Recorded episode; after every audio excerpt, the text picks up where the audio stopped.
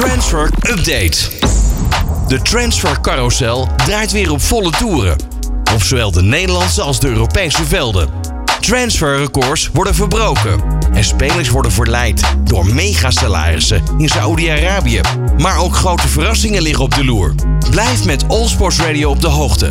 Want deze transfer window belooft een spannend schouwspel te worden. Transfer Update.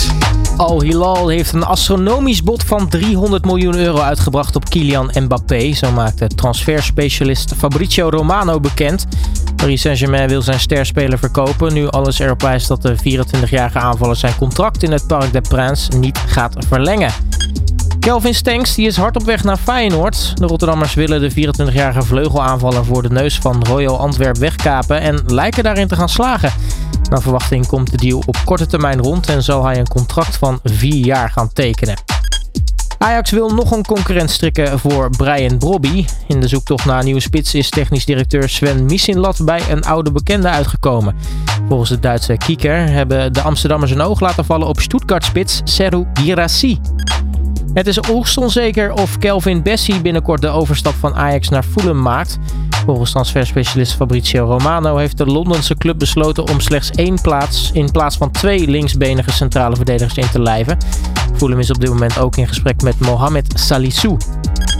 Marcel Sabitzer mag zich binnenkort speler van Borussia Dortmund noemen. De 29-jarige Sabitzer van Bayern München werd in het afgelopen half jaar verhuurd aan United.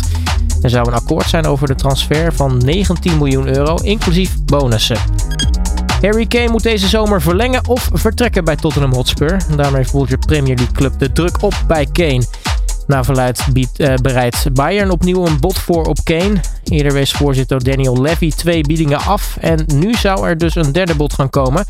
Levy loopt nu het risico dat Kane volgend jaar transfervrij de deur uitloopt.